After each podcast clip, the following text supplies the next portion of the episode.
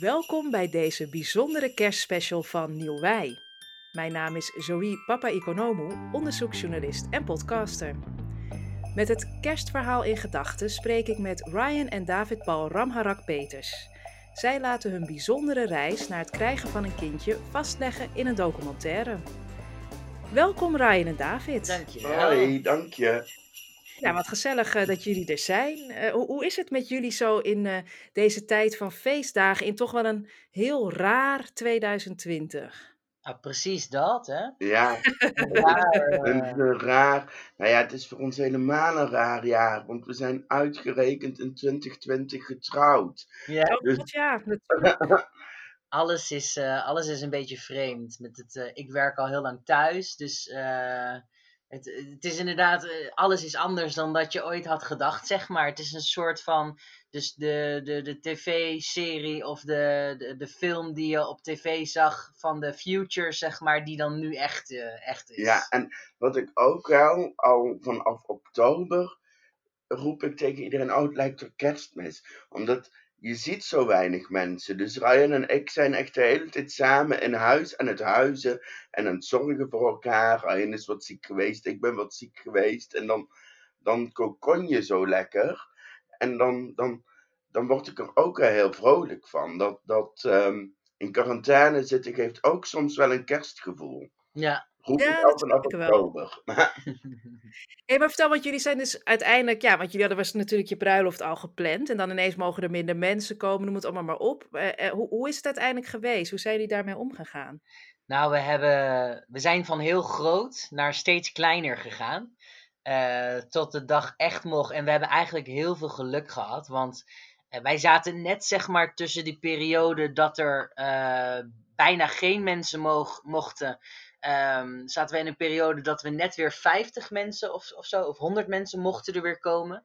Dus wij hebben een bruiloft gehad met 50 mensen, dan wel met alle richtlijnen. Ehm, en vlak daarna kwam weer dat het allemaal weer niet mocht. Dus wij hebben echt net geluk gehad. We, hebben we hadden prachtig weer, we zaten buiten. We, we, we gingen de zomer in met dat we heel veel mensen gingen uitnodigen. En daarna dachten we, we doen het met z'n tienen. En uiteindelijk waren we met 50 man na Grapperhaus. Dus we hadden ook allemaal zoiets van.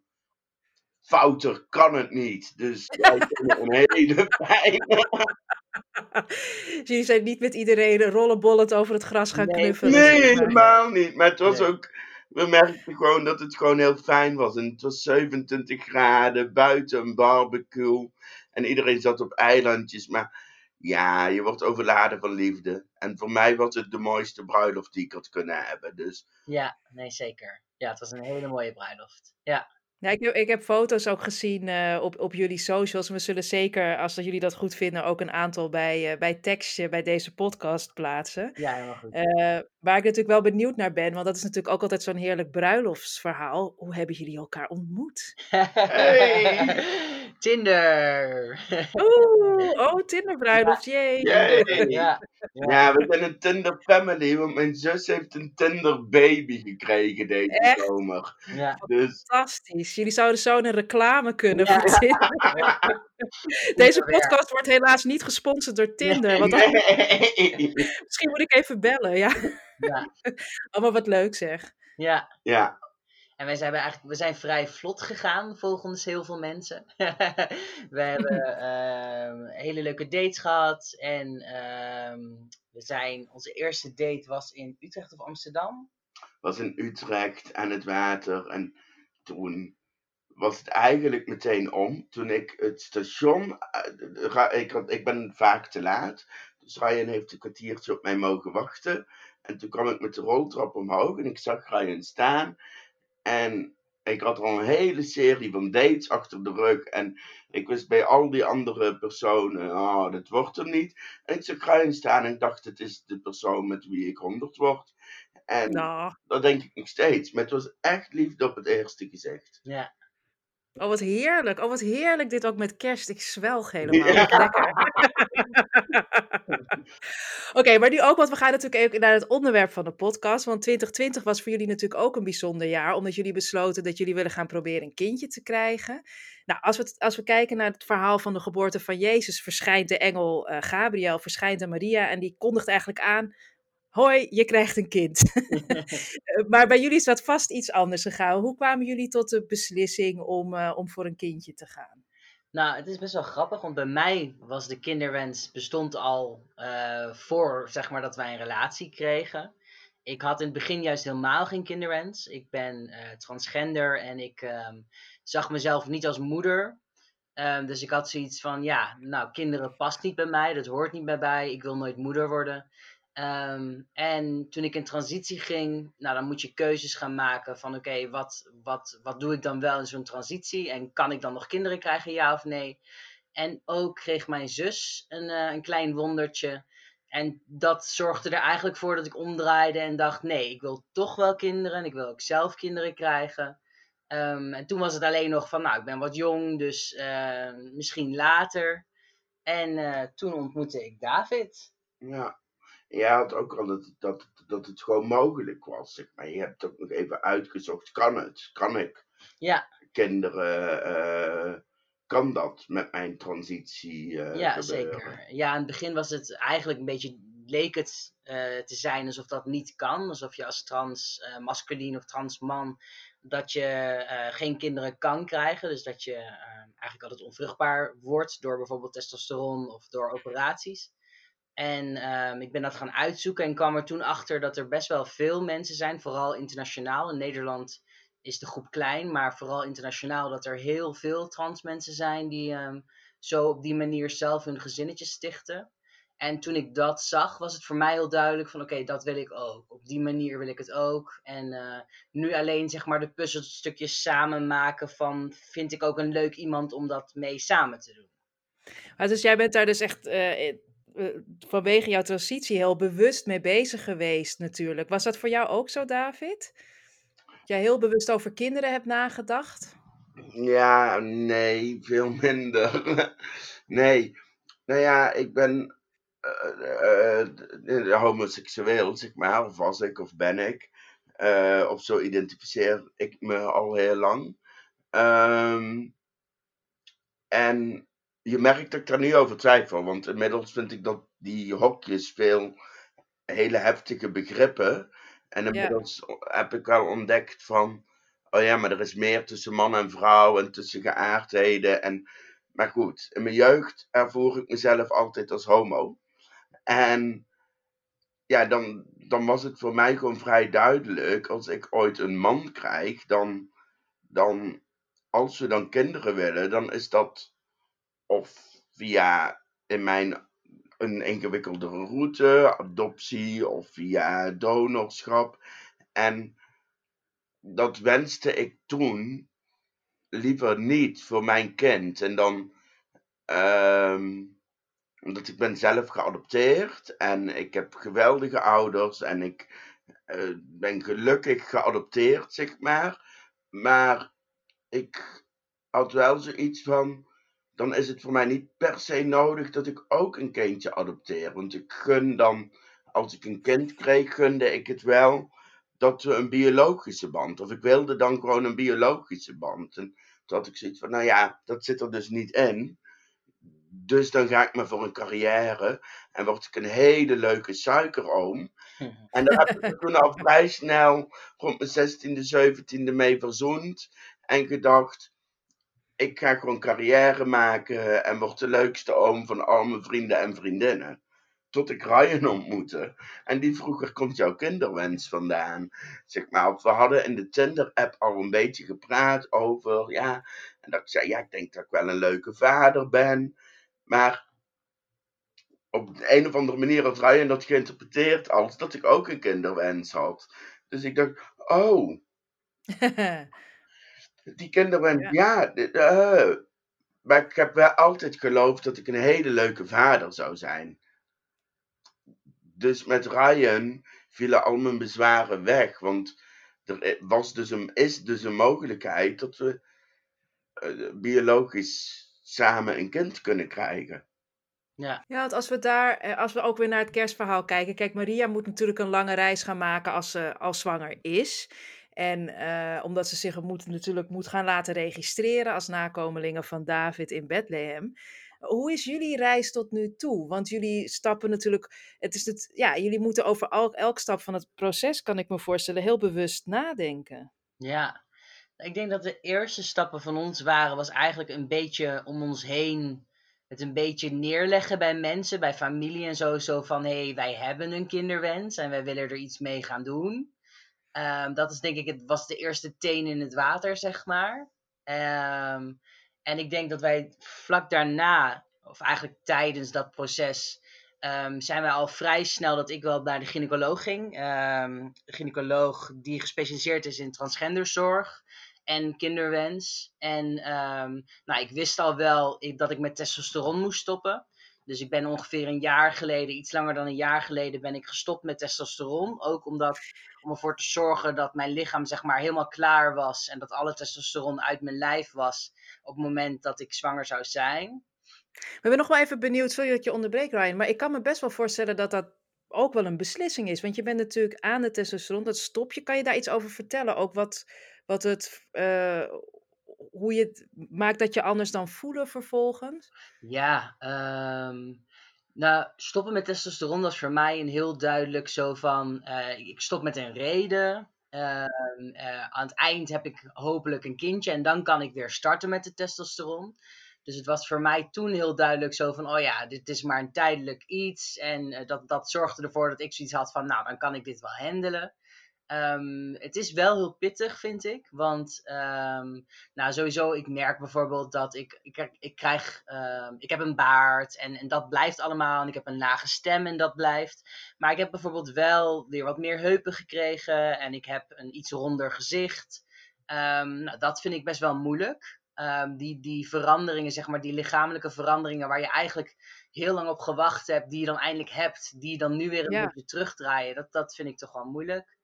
En ook um, testosteron zorgt er bij mij voor dat ik me emotioneel best wel stabiel voel. Um, dus dat ik niet zo last heb van uh, nou, allemaal emoties die zeg maar heen en weer gaan. En dat heb ik nu weer allemaal wel. En dat vind ik ook best wel moeilijk. Daar moet ik ook wel echt weer heel erg aan wennen. Dat is ook wel, en dat is voor David ook. Enorm wennen. Ja. uh, ja, oh god. Ja, waar, waar, waar moet je eraan wennen, David? Nou, wat merk uh, jij, zeg maar? Ik ben, nou ja, cis man en heb vanuit mezelf, nou ja, geen ongesteldheid en allemaal dat soort dingen gehad. Um, en ik heb ook nooit een partner gehad die daarmee te kampen had, omdat ik meestal een cis-man trof, zeg maar.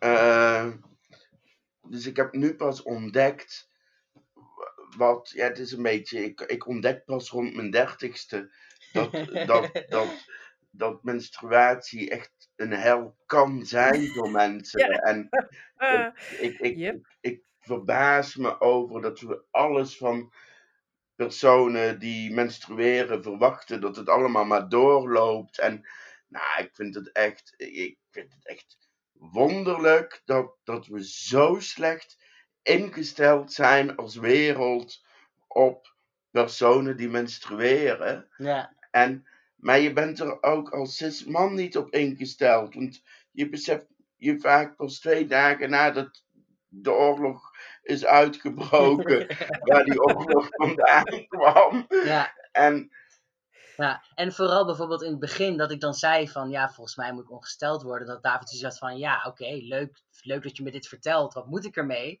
Ja, veel, veel plezier. Van oh, dat is waarom je dat zei. Dat is waarom je dat vertelde. Dus het was ook echt maar, maar wennen. waar, ik, waar ik me ook echt om heb verbaasd, want ik, ik werk in een, een wereld zeg maar, waar ook veel hetero mensen werken en ook veel mannelijke ehm, ehm, leidinggevenden zijn. En, en dat ik denk, en er is nooit iemand geweest, want die hebben toch waarschijnlijk ook allemaal een vrouw of een partner thuis zitten. En die snappen toch ook wat ik ervaar met mijn partner. dat dat gewoon, dat, dat je dan rust moet creëren en ruimte en ritme. En al die Ja. andere leidinggevenden, die hebben zoiets van, kan me niet bouten, paracetamol erin en doorwerken, deadlines moeten bij. Ik heb me echt zo verbaasd over hoe wij als cismannen omgaan met Ja. de hele wereldbevolking die eh, menstrueert. Nou ja, het is echt, de wereld is voor me open gegaan. Nou, ik ben blij dat, dat, jullie er, dat jullie er dit allemaal vertellen. Want ik denk inderdaad dat bepa- dat het is natuurlijk een gigantisch taboe. En Ja. ja, zoals ik dat ook ervaar, word je gewoon al van jongs af aan. eh, en je praat er niet veel over. Ik kan me zelfs. We, gaan, we nemen even een hele andere wending met dit gesprek, maar dat maakt niet uit. ik kan me nee, ik kan me echt herinneren ook van eh, op de basisschool, toen ik zelf ongesteld was, één ander meisje het ongesteld werd. Er werd met maandverband overgegooid. Het was heel Ja. en, en belachelijk gemaakt.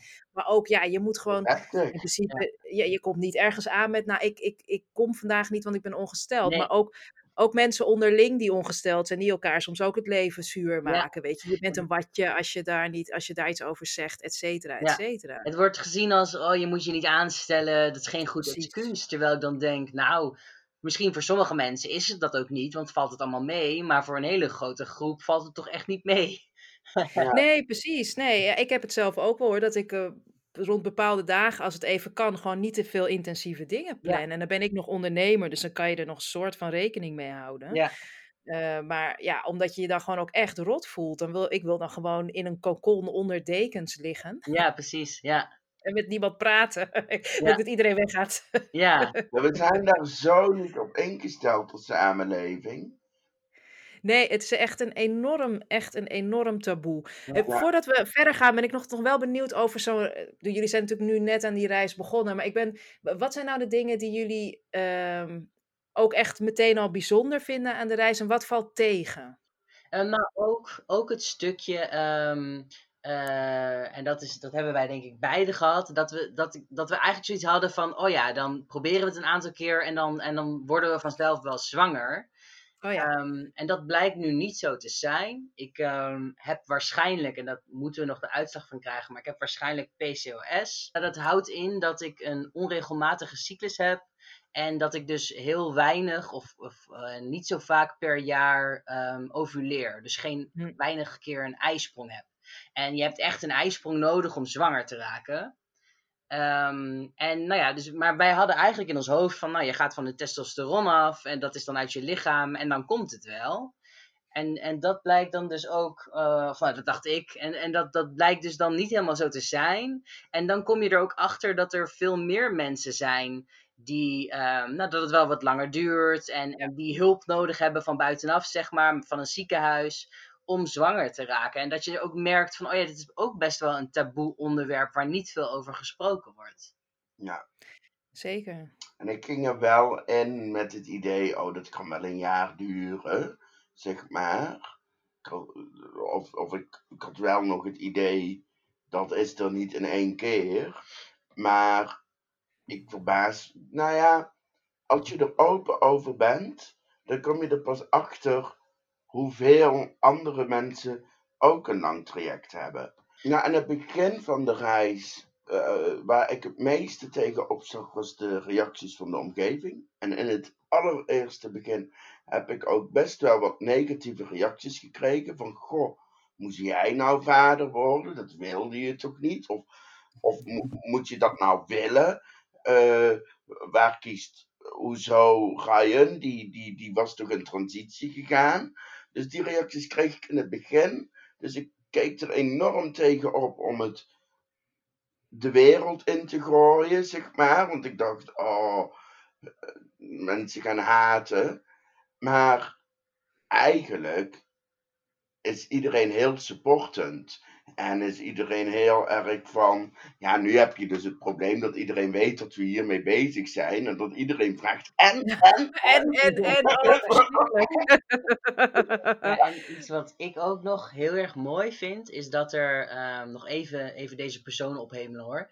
Maar er is dus gewoon, er zijn een, een aantal gynaecologen eh, in het ziekenhuis waar wij geholpen worden, die echt ehm, alles eraan doen, zeg maar, om ervoor te zorgen dat het bij ons ook goed gaat. En ze helpen ons heel erg, super begrijpend. Ehm, en dat vind ik heel speciaal, want um, nou, dat is niet altijd zo. Zeker, ik, ik heb veel zorg gehad en, en de transgenderzorg, daar is heel veel op aan te merken.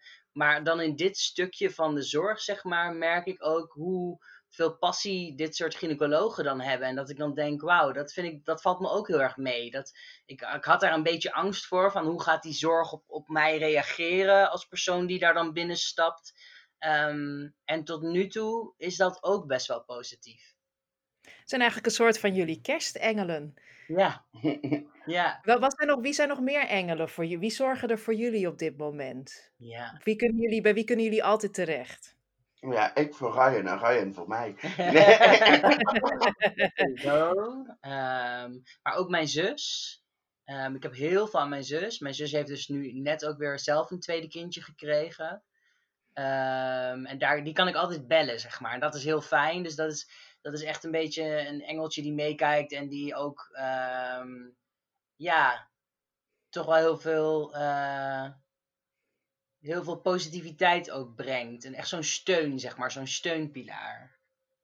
Ja, bij mij, mijn ouders en gewoon het gezin waar ik in opgegroeid ben.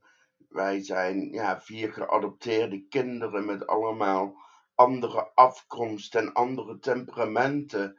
En dan, nu zijn we dan allemaal rond de dertig. En denk ik, goh, na die hevige puberstormen is alles toch heel liefdevol samengevallen. En de een wordt, gaat trouwen, de ander krijgt een kind. En ik, nou ja, toen, toen, toen de ochtend dat Ryan en ik gingen trouwen, toen waren we bij mijn ouders. En mijn moeder komt s ochtends op me aflopen. Ze zegt, mijn droom komt uit! Ja. En ja, haar andere droom was al uitgekomen omdat ze oma was geworden. Maar als je dus zelf een familie gaat creëren, dan besef je ook hoe belangrijk het is dat je een warme familie hebt gehad. En daar ben ik heel gezegend mee. Ja. Mooi. En als we dan ook weer naar het kerstverhaal kijken, daar komen natuurlijk, hè, dan, nadat, het, nadat het kinderke Jezus is geboren, komen er natuurlijk wijze mensen. Zeg ik dan, ja, dat was toen de tijd natuurlijk mannen. Maar dat zeggen we natuurlijk nu helemaal niet meer, want het kunnen allerlei soorten mensen zijn. En ik ben benieuwd, wie zijn dan jullie wijze mensen? Uh, poeh. Ja, mijn zus is eigenlijk een engel en een wijs persoon. Alles in één, ja. ja, maar ook vooral, ik kan ook met haar ook echt wel, um, als, ik, als ik inderdaad die, die, even die wijsheid nodig heb van, hé, hey, uh, hoe moet ik nou hiermee omgaan? Dan kan ik altijd met haar sparren. En ik, ik hoef het niet altijd met haar eens te zijn, maar uh, ik kom er wel altijd sterker uit als ik een gesprek met haar gehad heb. En ik zou ook zeggen, uh, Jona, een, een, een vriend van mij, dat was mijn getuige voor mijn Um, uh, voor mijn bruiloft ook. En dat is ook een heel fijn persoon. Die is heel rustig. Uh, die is ook een stukje jonger dan ik. Maar toch kan ik daar altijd zeg maar mijn ei kwijt. En die kan gewoon heel rustig, uh, heel neutraal, een beetje advies geven, zeg maar. Zonder heel erg te pushen of zo. Dus dat is ook wel een, een wijze voor mij. En voor jou? Um, jeetje. Um, dat is moeilijk. Het kan ook een wijs iemand in de samenleving zijn, hè? Want bedoel, dat... ja, ja, ik zit gewoon een beetje te denken. Ik haal alles uit gesprekken. Ik ben echt een belrel, zeg maar. ik bel heel veel. En daaruit put ik alles. En Ryan vind ik wel, daar heb ik heel veel van geleerd. Dus dat vind ik wel een wijs iemand in mijn leven. Maar wat heb, maar wat heb je dan zo al geleerd, zeg maar? Ik ben anders tegen mannelijkheid aan kan kijken. Uh, in de relatie met Ryan. Ik was zo iemand die altijd toch wilde, want ik was al niet heel mannelijk, dus dan vond ik het toch belangrijk dat ik de boodschappentassen van mijn vriendinnen tilde, want dan kwam er toch nog iets van mannelijkheid uit, uit me zeg maar, zodat ik heel erg moest voldoen tot nog niet eens zo lang geleden, een paar jaar terug, aan wat wordt er van mij als man verwacht. Ook al voldoe ik daar niet aan. En met Ryan is dat gewoon weggevallen. En ben ik veel vrijer en ik was al, ik vond het al heerlijk om leggings te dragen of af en toe een nagellakje op te doen. Maar nu doe ik dat zonder gêne, zonder schaamte, gewoon mezelf zijn.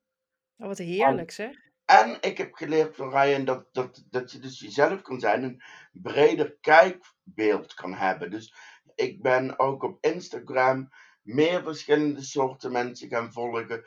Uh, want ik voelde mezelf altijd iets te dik. Ben ik misschien ook, maar ik ben dik mooi gaan vinden.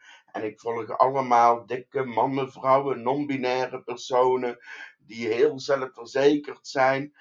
En daardoor door gewoon je eigen. En ik volg steeds meer Aziatische personen. En ik zorg gewoon dat Instagram super divers is, waardoor ik me veel vrijer in de wereld voel.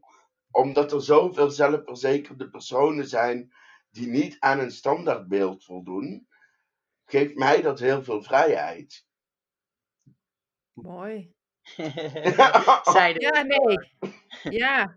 Nee, maar ik zit ook te denken, want, ik, want wat ik ook vind het ook een mooie overgang naar wat ik graag ook nog met jullie zou willen bespreken. Is ook, want ja, jullie, jullie willen graag een kindje. En, en die gaat dus eh, hopelijk uh, uh, heel snel geboren worden in, in deze samenleving. Wat, wat vinden jullie van deze samenleving op dit moment? Vinden jullie het een fijne samenleving? Um, dubbel. Heb je even? Ja. ja hoor, kom maar door. um, nou, als... Um... Ik heb een antwoord, denk ik. Geen. Hier, um, uh, wij wonen Hartje Den Haag. En hier komen alle demonstraties en heftigheden voor onze neus. Want we wonen in het centrum voorbij. Dus we hebben dit jaar alle tractoren vanaf 6 uur s ochtends voorbij zien komen. Tot Vierenswaanzin, tot Black Lives Matter. Ieder. Dus dan, als je dan naar buiten kijkt en je volgt het nieuws, dan denk je wel eens: de wereld is ontploft en help. En tegelijkertijd zie je ook dat heel veel mensen opstaan, voor zichzelf opkomen, dat er veel meer stemmen zijn. Er zijn wel wat mensen die daar moeite mee hebben, maar het is ook wel een hele vrije tijd. Je mag staan, je mag voor jezelf opkomen. En in dat Den Haag en in die mediawereld is het allemaal heel heftig. En als ik dan rustig in de trein naar een vriendin zit en het is dan gezellig en gemoedelijk, dan denk ik, oh ja, de wereld kan ook nog lief zijn. Maar de wereld is soms heel heftig. Maar ik denk dat het wel, dit moment is wel een moment dat iedereen opstaat, linksom of rechtsom. We zijn er. Ja, en uh, dat, ik denk dat het een hele mooie tijd is waarin heel veel mensen vechten voor een betere wereld. En ik denk dat het ergens altijd dat wel is geweest. Maar je, je vindt nu natuurlijk alles op social media en je kan nu alles volgen. Um, dus ik heb zelf ook zoiets van, um, ik vind het een hele complexe tijd om een babytje de wereld in te brengen, maar ook een hele mooie tijd. En ook als ik kijk naar bijvoorbeeld um, um, als transpersoon, nog, ja, het is gewoon, het is best wel ondenkbaar dat je als transpersoon je eigen gezin sticht. En een baan hebt die je leuk vindt. En in transitie bent gegaan. En uh, vrienden hebt en een partner hebt die van je houdt en al dat soort dingen. En um, dat, dat vind ik een heel mooi iets dat dat um, nog steeds wel bevochten moet worden in deze tijd, maar dat het wel kan. Ja, en er is een tijd. Dat het langzaamaan beter gaat. En um, dus dat stukje vechten, zeg maar, dat, dat zit eigenlijk voor alles nog wel erin. En ik hoop dat uh, een kind van ons niet zo hard hoeft te vechten voor alles. Ik hoop dat wij heel hard kunnen vechten voor van alles en nog wat. En dat ons kind dan iets minder hoeft te vechten. Maar um, ik vind dat in principe wel positief. Dat er zoveel gevochten wordt en dat er ook best wel veel vooruitgang is. Ja, het is een heel meer stemmige tijd. Een heel veel... Ik ken dan de verhalen van mijn ouders, de hippie-tijd. En ik heb heel lang gehoord, de staat niet meer op de barricade. Maar voor mijn gevoel staat nu gaat het nu door alle generaties en alle kleuren en mannen, vrouwen, eh, non-binair, door alle lagen heen staan mensen op en zeggen wij doen mee. En dat geeft heel veel ingewikkeldheid, maar het is wel echt zo meerstemmig. Ik heb, ik heb in mijn leven nog nooit zoveel diverse uh, geluiden gehoord. En dat stemt me heel positief. Ja, ik vind het wel heel mooi wat jullie zeggen. Ook, uh, ik herken ook wel echt dat die, die, die ontzettend hardnekkige norm die er natuurlijk eeuwen, nou ja, millennia is geweest van mannelijkheid, witheid. Uh, het wordt gewoon, iedereen is daar lekker aan, keihard aan aan het tornen, weet je wel. De, die, die wordt op allerlei mogelijke manieren verbreed. Dat herken ik ook erg terug in wat jullie zeggen. Ja. En, uh, maar ja, dat levert natuurlijk ook spanning op, omdat er natuurlijk verandering brengt natuurlijk voor veel mensen ook uh, angst en ongemak met zich mee. En, en corona helpt het daar niet helemaal bij. Dat vind ik soms nog wel een beetje lastig. Ik heb wel het gevoel nu zo op het einde van, van 2020 dat het geduld een beetje op is. Dat, ja. Uh, ja, dat iedereen graag gevaccineerd wil worden en weer de hort op wil kunnen. Jij hebt ja. kinderen, hè? Ja. Uh, en die leven al in deze tijd. Heb je nou het idee dat jouw kinderen een hele andere jeugd hebben dan jij? Of dan dat, dat die jeugd van hun ineens is omgeslagen sinds een paar jaar? Goeie vraag. Ik, ze hebben sowieso een andere jeugd dan ik, omdat ze... Kijk, ik, ik ben opgegroeid in, een, in, een, in principe in een eenoudergezin. Ik bedoel, mijn vader was wel betrokken, maar op, wel echt op afstand. Um, wij hadden veel minder te besteden. Dus dat zijn wel echt elementen die gewoon anders zijn. Ik bedoel, ik heb het met mijn partner gewoon goed. Ja. En uh, uh, dat, dat, maakt, dat maakt natuurlijk wel uit in wat voor omgeving je opgroeit. Mm. Ik kwam ook helemaal niet zo voor mezelf op en zo. Weet je, ik werd best wel op de basisschool met periodes geplaagd. Gewoon met mijn afkomst en naam. Of ik was inderdaad een beetje mollig. Weet je wel, dat soort dingen. En ja, dat vind ik echt wel heel cool aan deze tijd. Dat die normen, daar wordt wel tegen geschopt. En ik. Maar ze zitten er ook hardnekkig in. Daar ben ik, ik, ik, ik, laten we sowieso afspreken. Het lijkt me sowieso heel tof om jullie ook weer, weer te spreken. Als het nou ja, hopelijk jullie gegeven is om een kindje te krijgen. Want ik, er zijn ook wel heel veel dingen waarvan ik dacht, nou, dat ga ik zo doen. En dat ga ik zo doen. Ja. En, dan, en, en ook hoe hardnekkig bijvoorbeeld die gendernormen erin zitten. Vooral dat binaire man-vrouw. Dat Ja. begint al zo vroeg. Ja, Ik viel van mijn stoel af en toe. En dan moet je dat dus... Mijn, mijn zoon is nu heel braaf. Hè? Ik vind roze ook mooi, zegt hij altijd Ja, maar braaf. ja. Omdat hij anders weet dat ik weer in zijn nek ga zitten. Ja, ja, ja.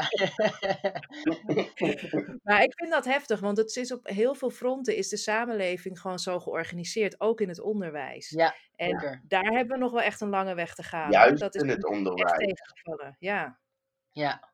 Nee, helemaal mee eens. Helemaal mee eens. En dat is denk ik ook het spannende wel. Ehm, als wij een kind hebben, heb je natuurlijk. ehm, ik wil graag Baba genoemd worden en David graag Papa. Ehm, nee, dat heb je natuurlijk ook. Een kind, je kind gaat op een gegeven moment naar de opvang of je kind gaat op een gegeven moment naar school. Ehm, en dan moet je nou, dat ook uitleggen van hé, hey, we hebben een baba en een papa thuis. En, en hoe gaat dat dan?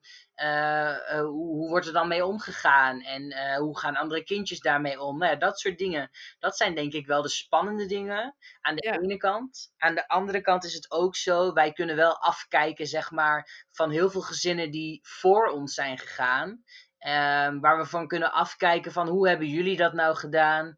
Ehm, eh, en, en hoe hebben jullie dingen opgelost? Of wat werkte nou wel, wat werkte nou niet? Dus we zitten ook wel in een goede periode dat we ook weer kunnen afkijken zeg maar, van anderen. We zijn niet, in sommige dingen Ja. zijn we best wel pioniers. En in andere dingen kunnen we ook afkijken eh, van weer de mensen die ons voor zijn gegaan. Ja, en ik vind het ook wel spannend hoor, want ooit had ik het idee, als ik dan vader word, dan moet ik in een dorp wonen, want dat is heerlijk voor een kind, in mijn hoofd. En nu denk ik, nou, laat ons kind maar liever in een stuk Randstad opgroeien, waar allemaal vrijgevochten en dan een deel waar allemaal mensen zitten die alles accepteren. Dus je gaat ook heel goed nadenken, zijn we nu al mee bezig. Waar moeten we wonen als we ons kind een veilige plek kunnen bieden? Want je, je wil je kind beschermen tegen van alles wat er over dat kind heen kan komen. Alleen al omdat wij de ouders zijn. Ja. Ja. Van kleur. eh, Trans, queer, alles. Ja. ja, ja. Ja, ja, ja, dat zijn wel een hele hoop inderdaad. eh. Ja. ja, dat is natuurlijk wel. Die, die- die- voelen jullie dat ook als een beperking in jullie vrijheid? Ehm, een beetje. Jawel. want je denkt bij alles na. Uh, maar ja, misschien heeft iedere ouder dat wel. Dat je bij alles na gaat denken. Hoe kan het Jawel, maar laten we eerlijk zijn, als ik nu met, met, met mijn man eh, zou beslissen, we willen, ik ben echt een, verschrikkelijke stedeling, een echte Amsterdammer, dus ik wil de stad niet uit. Maar stel, we zouden nu zeggen, nou, we gaan naar Zuid-Lutjebroek, ik noem maar wat. Dan is er, kijk, ik zal misschien daar wat meer opvallen, om, omdat uh, te denken, wat is dat voor gekke Griek? Nee, maar ik bedoel, dat, dat zou kunnen, maar verder zijn wij natuurlijk, dat hoeft ons nooit op die manier te beperken, zeg maar. Natuurlijk dus dat, dat is denk ik toch anders. Dat is echt anders. Ja. Nou ja, ik vind het wel echt spannend. Van wat voor school kies je? Wat voor omgeving kies je? Er moet een omgeving zijn waar en goed omgegaan wordt met LHBTI-gezinnen. Maar ook goed omgegaan wordt met kinderen. Want wij zijn allebei van kleur met kroeshaar. En of ik dan kroeshaar afro. Um, ja. Dus, dus, dus er zijn best veel componenten ja. waar, je je kind gewoon voor wil beschermen. Dus je moet heel erg op zoek in wat voor wijk, buurt, omgeving is er een norm waarin hoe wij zijn geaccepteerd wordt. Ja. Zeg maar. En dat, ja, je kan niet overal wonen, je kan niet overal je kind zomaar naar de buurtschool sturen. Dat hadden wij al toen wij hier kwamen wonen en naar een huisarts gingen, ja. die huisarts die, die fronste een beetje over het uh, um, transitieproces van Ryan. Ik was daar best wel van in shock. En toen stonden we buiten en toen hadden we zoiets van: oké, we moeten dus een andere huisarts zoeken. Want dit is een persoon die uh, transitieoperatie flauwekul vindt. Dat kom je dus tegen. Maar dat ga je dan uiteindelijk ook met kinderen tegenkomen. Ja. In het onderwijs. Ja, dus ik zie dat wel als een beperking. ja, om daar toch nog een mooie noot aan toe te voegen. ja, kom maar door. Mooie noot, mooie noot. Maar um, de vrijheid die ik zeg maar heb, zo van, ik wijk toch al op heel veel manieren van de norm af. En dat het zeg maar niet meer uitmaakt hoeveel andere manieren ik nog van de norm afwijk. En dat geeft me wel echt heel veel vrijheid om na te denken over welke ouder wil ik bijvoorbeeld zijn. En ehm, dat geeft super veel ruimte met dat ik denk van ja, weet je, Um, als, als ik mijn kind op een bepaalde manier op wil voeden, of als ik, als ik wil dat mijn kind uh, met make-up en, en nagelak mag spelen, maakt niet uit uh, hoe een kindje uh, geboren wordt, al dat soort dingen, die kunnen allemaal. En als ik denk van, nou, als mijn kind een, een Elsa-party wil, dan ga ik lekker in een Elsa-jurk, weet ik veel wat. Al dat soort dingen, die vrijheid heb ik dan wel weer om gewoon de ouder te zijn die overal zeg maar scheid aan heeft. Ja, nou ja, en dat is echt een van de meest bekende dingen in, in, in, in zeg maar opvoedland is ja, blije opvoeders, blije ouders en blije kinderen. Dat is echt zo. Ja, ja, precies. Dus omdat... Ja, dat, en dat zeker. En dat geloof ik echt wel, dat ons kind... Maar ja, ik ben gewoon de zorgelut. ja, maar goed, dat hoort... Weet je, kijk, ik, ik zeg wel... niet dat ons kind iets tekort komt. En dat het door wie wij zijn... Ik vind ons eigenlijk heel normaal. Maar ja door. Ik wil niet dat ons kind ook maar aan de kant geschoven wordt, alleen maar omdat die ouders een aantal dingen zijn die niet per se in de norm vallen. En tegelijkertijd vind ik ons heel normaal. En nee, maar het is natuurlijk ook heel, heel ik, kan daar, ik begrijp heel goed dat dat heel, heel dubbel natuurlijk is. Maar aan de andere kant, kijk, dat is natuurlijk wel zo. Je, je wil natuurlijk het liefst je kind tegen alles beschermen. Maar dat, dat, ga, dat, is, dat vind ik zelf ook een van de moeilijkste processen. En dan is mijn oudste nog maar, ze, zeg maar bijna zeven. Ja. Maar dat je, je moet heel veel dingen ook loslaten, want je kan ze niet tegen alles in bescherming nemen. en, uh, en, en, en, en dat is. Uh, en daarom is het zo belangrijk dat ze, dat, dat ze een solide thuisbaas. Dat is uiteindelijk het allerbelangrijkste. Maar ja, ik kan me inderdaad. Gelukkig denk ik wel dat er er is misschien iets minder keuze, maar ik denk wel dat er in ieder geval steeds meer, mm-hmm. doordat er zoveel gaande is in de samenleving, steeds meer plekken zijn um, waarin er zoveel meer gelukkig normaal is. Ja. ja. ja. Laatste vraag.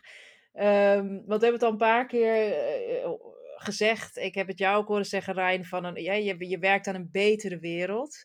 En, en dat is natuurlijk uiteindelijk ook wat, wat, wat, het, wat het kerstverhaal is. Een soort visioen geboorte van een, een, een nieuwe wereld eigenlijk. Wat, wat is voor jullie de wereld waarin jullie willen dat jullie kindje opgroeit? Een hele lieve, eerlijke wereld. Het liefst zonder oorlogen, geweld en alles. Maar ik hoop dat ons kind opgroeit in het besef dat wij op een plek in de wereld leven waar uh, heel veel rijkdom is alleen, en, en heel veel luxe is. En dat dat ten koste gaat van andere plekken in de wereld. Dus ik hoop dat de wereldbalans wat beter wordt. Ik hoop vooral dat in het kleine kringetje uh, in ieder geval mensen elkaar gewoon vriendelijk en respecteren. En de hele wereld kunnen we niet verbeteren, denk ik. Maar al, ik denk dat wij, omdat we zoveel luxe en alles hebben hier, dat wij dan op zijn minst de verantwoording moeten nemen om te zorgen dat er op veel meer plekken op de wereld uh, zo hemels geleefd kan worden. Ja. En dat. En ik hoop ook hoe de wereld eruit zou zien. Ik hoop vooral dat we iets meer leren om minder zwart-wit te denken. Dus minder te denken van, oh ja, of je bent dit, of je bent dat, of je bent zus, of je bent zo. En dat het zeg maar op het, op het microniveau, zeg maar, dat we mensen gewoon toestaan om op elk niveau, op, op elk, uh, elke eigenschap, elke identiteit, um, dat we eigenlijk gewoon accepteren van elkaar van, oh ja, je kan op zoveel manieren zijn. En dat dat, um, ja, dat, dat gewoon geaccepteerd wordt en uh, genormaliseerd wordt. En dat we niet meer bang hoeven te zijn van elkaar. Dat als echt, als er zoveel minder angst zou zijn, zou er ook veel minder frustratie en haat zijn. Als je de ander, die er misschien anders uitziet, niet als eng ziet, als je die ook kan omarmen, dan zou de wereld zoveel mooier zijn. Nou, dat vind ik echt een prachtige. Kijk, ik ben er helemaal schor van. maar een prachtige afsluiter voor een heel fijn en warm gesprek. En een, een mooie gedachte en, en visioenen en, en strevens om mee te nemen naar 2021. Uh, eh, Ryan en David Paul Ramharak Peters, heel veel dank voor jullie tijd en het delen van jullie verhaal. Ik wens jullie veel succes, sterkte en liefde toe. En natuurlijk een prachtig en vruchtbaar 2021. Eh, er loopt een crowdfunding actie om de documentaire over uh, jullie reis vast te leggen. Um, waar kunnen mensen daar meer over te weten komen en natuurlijk doneren? Via Instagram kunnen mensen ons volgen uh, op Baba en Papa. En daar in de link in de bio staat zeg maar ook de link naar de crowdfunding. Uh, op Facebook dan zou je moeten zoeken op docu dubbele punt toekomstige ouders. Baba en papa, Ryan en David. Zoiets. En zoiets. En de GoFundMe, ook Baba en papa. Mooi, nogmaals heel erg veel dank. Uh, bedankt ook voor het luisteren aan de luisteraar. Uh, ik wens iedereen mooie feestdagen en een divers en inclusief vooral corona-arm en vaccinrijk 2021 op een betere wereld.